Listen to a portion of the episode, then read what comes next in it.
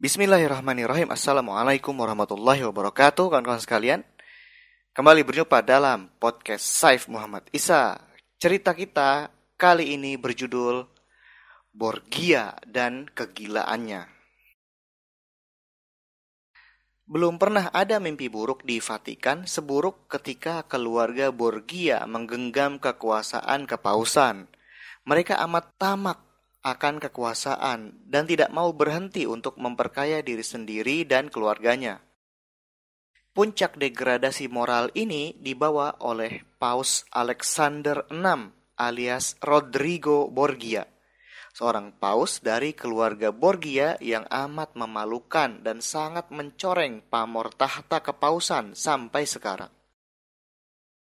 Seperti dikisahkan oleh Brenda Ralph Lewis dalam A Dark History of Popes, Rodrigo Borgia yang nama aslinya Rodrigo Lanzol dilahirkan pada 1 Januari 1431 dari keluarga Borgia yang sangat berkuasa. Pada abad pertengahan, para paus diangkat dari keluarga-keluarga kaya dan berpengaruh di Eropa hingga sebenarnya terjadi persaingan di antara keluarga-keluarga itu untuk mengangkat orang-orangnya ke tahta kepausan. Persaingan ini sering kali berdarah-darah. Beberapa keluarga yang berpengaruh itu antara lain keluarga Medici, Barberini, Orsini, Della Rovere, dan tentu saja keluarga Borgia. Perjalanan Rodrigo diawali dari pamannya, Paus Kalistus III.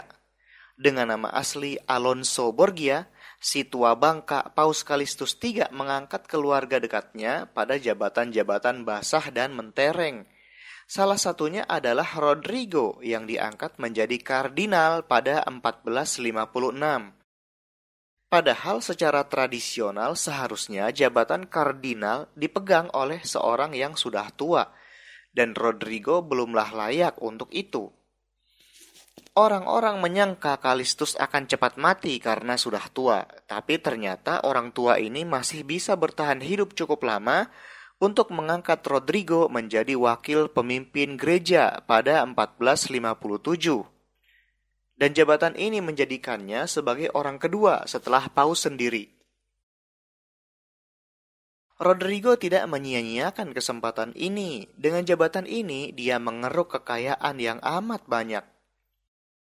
Setelah menunggu selama 34 tahun, pada 11 Agustus 1492, akhirnya Rodrigo diangkat menjadi paus dengan gelar Paus Alexander VI.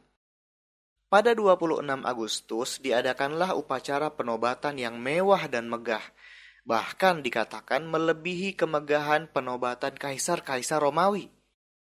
Prosesi berjalan sepanjang 3 km dan terdiri dari 10.000 penunggang kuda, seluruh pegawai rumah tangga kepausan, para duta besar negara-negara asing dan para kardinal yang menunggang kuda masing-masing dikawal oleh 12 pria dalam rombongannya.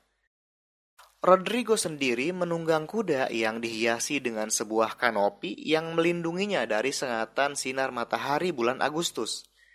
Pawai itu berjalan pelan menembus kerumunan di kedua sisi jalan. Berbagai slogan yang beberapa di antaranya berisi penghinaan lugas atas Rodrigo tertempel di tiang-tiang di sisi jalan. Udara panas dan kerumunan yang padat itu membuat Rodrigo pingsan hingga dua kali – namun semua itu tidak menghalanginya untuk berbisnis dengan jabatan yang dipegangnya. Pada masa inilah dia membawa kegelapan bagi Vatikan yang memang sudah gelap. Perilaku asusila yang selama ini selalu dilakukannya ternyata tidak pernah berhenti. Bahkan lebih parah lagi, dia membawa pelacur-pelacur ke dalam tempat yang dianggap paling suci bagi orang Kristen – dia sering kali mengadakan pesta-pesta asusila yang istilahnya dilembutkan menjadi pesta kebun atau garden party.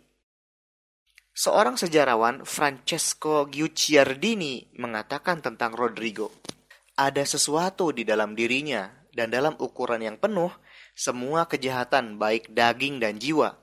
Tidak ada dalam dirinya agama, tidak perlu baginya untuk memegang kata-katanya ia menjanjikan apa pun secara bebas, tetapi tidak mengikat dirinya dengan apa pun yang tidak berguna baginya. Ia tidak peduli pada keadilan karena pada zamannya Roma adalah sarang pencuri dan pembunuh. Selain itu, segala dosanya tidak mendapatkan hukuman di dunia ini dan ia berada di dunia ini dalam keadaan makmur hingga akhir hayatnya.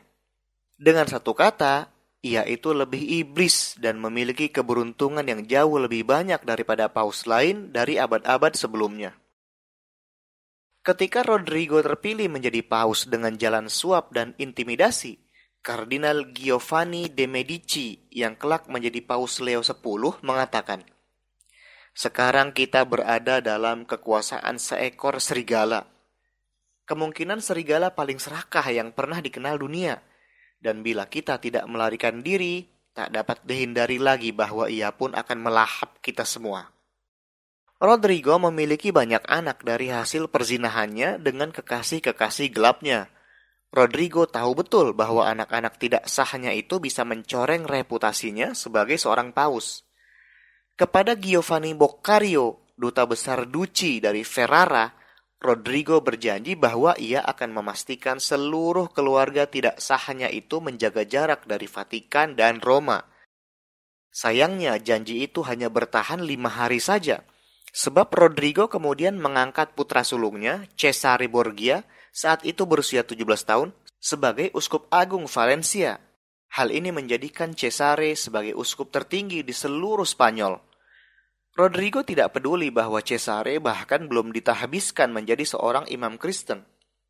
Selain itu, Rodrigo mengangkat putranya yang lain, Joffre Borgia yang baru berusia 11 tahun untuk menjadi Diose Mallorca dan mengangkatnya menjadi diakon agung dari katedral di Valencia. Cesare, Joffre, Lucrezia, dan Juan adalah anak-anak Rodrigo dari kekasih gelap pertamanya, Vanozza dei Cattani, yang sudah tiga kali menikah. Tiga anak lagi, Girolamo, Pierluigi, dan Isabella, lahir dari ibu-ibu yang berbeda. Dan yang terakhir, Laura, adalah anak dari kekasih gelap terakhir Rodrigo yang bernama Giulia Farnes. Tindakan nepotisme ini amat dicela dan dibenci oleh lawan-lawan politik Rodrigo. Namun ia amat menyukai keadaan ini karena ia bisa berlindung dari musuh-musuhnya dengan adanya sanak keluarganya di sekitarnya. Pada menjelang akhir hayatnya, Rodrigo mengalami pendarahan secara rutin. Diduga dia menderita malaria. Ada juga yang mengatakan bahwa dia diracun. Pada 18 Agustus 1503, dia mati dan berita kematiannya dirahasiakan selama beberapa hari. Kematian dan cuaca bulan Agustus yang panas telah mengubah jenazah Rodrigo sehingga mayatnya menjadi sesuatu yang amat mengerikan untuk dilihat. Johann Burchard mencatat, mata jenazah itu telah berubah menjadi berwarna seperti buah mulberry atau kain yang paling gelap dan ditutupi oleh noda-noda berwarna hitam. Hidungnya membengkak, Mulutnya menggelembung karena lidahnya membesar dua kali lipat dan bibirnya tampak memenuhi semua bagian itu. Kematian Rodrigo tidak ditangisi, bahkan kutukan dan hujatan menghujani setelah kematiannya. Setiap paus yang wafat akan mendapatkan misa requiem dan akan dihadiri orang ramai. Tetapi misa untuk Rodrigo hanya dihadiri empat orang saja. Francesco Piccolomini yang menggantikan Rodrigo sebagai Paus Pius III melarang diadakannya misa-misa tambahan bagi Rodrigo. Merupakan penghujatan untuk mendoakan orang yang terkutuk, katanya.